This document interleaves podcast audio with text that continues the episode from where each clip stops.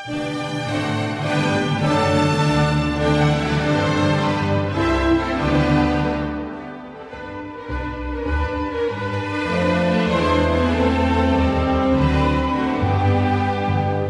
Giedur młodzieńczego jeszcze Beethovena w RMF Classic. Wybitne role szekspirowskie, gombrowiczowskie, niezapomniane kreacje w kabaretach Olgi Lipińskiej pod egidą Jana Pietrzaka. Także rola, za którą kochają go najmłodsi, Ambroży Kleks w Akademii Pana Kleksa. To innymi w przebogatym dorobku Piotra Frączewskiego, bohatera bliskich spotkań. Wolne Miasto to filmowy debiut dwunastoletniego Piotra na planie u Stanisława Różewicza, a na początku był warszawski teatr Syrena, gdzie dziesięcioletni Piotr premierowo stanął na deskach w towarzystwie duetu jeszcze przedwojennych aktorów Stefanii Górskiej i Adolfa Dymszy. Przed tą premierą był jednak pewien uroczy prolog. Pierwsze kroki wyniknęły z tego, że w teatrze, jak w wielu w owych czasach, lata 50., mm, zakładach pracy były organizowane choinki dla dzieci pracowników.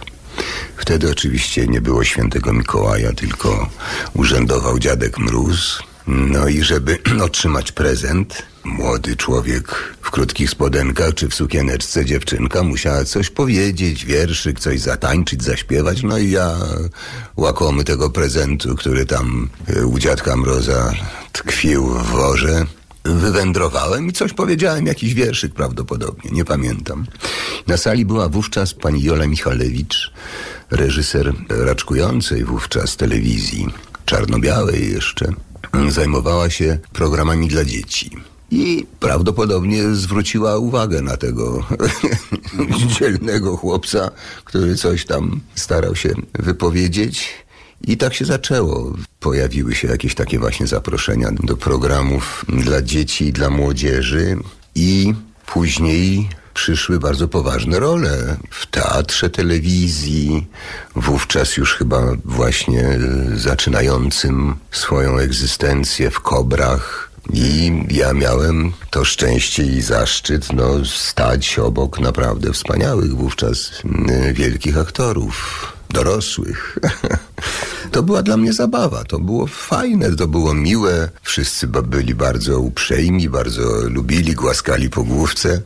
Nie miało się poczucia odpowiedzialności wtedy. Oczywiście wszystko nadzorowała mama, pilnowała tego, doprowadzała mnie za rączkę na, na plan telewizyjny czy filmowy i towarzyszyła mi przez cały czas tych pierwszych prób. Trudno to nazwać próbami aktorskimi, ale jednak w jakiś sposób tak wynika przynajmniej z takich prasowych recenzji, zapisków, które moja mama e, zbierała, gromadziła. Wynikało z tych, z tych zapisków, że jest jakiś taki chłopiec, który zdradza jakiś być może talent, być może zdolności, jest jakimś ciekawym chłopcem.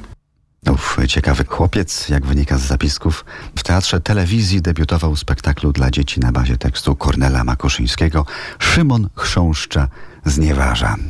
Teraz dorosły Piotr Frączewski u Krzysztofa Zanussiego na planie filmu Bilans Kwartalny. Muzykę napisał Wojciech Kilar.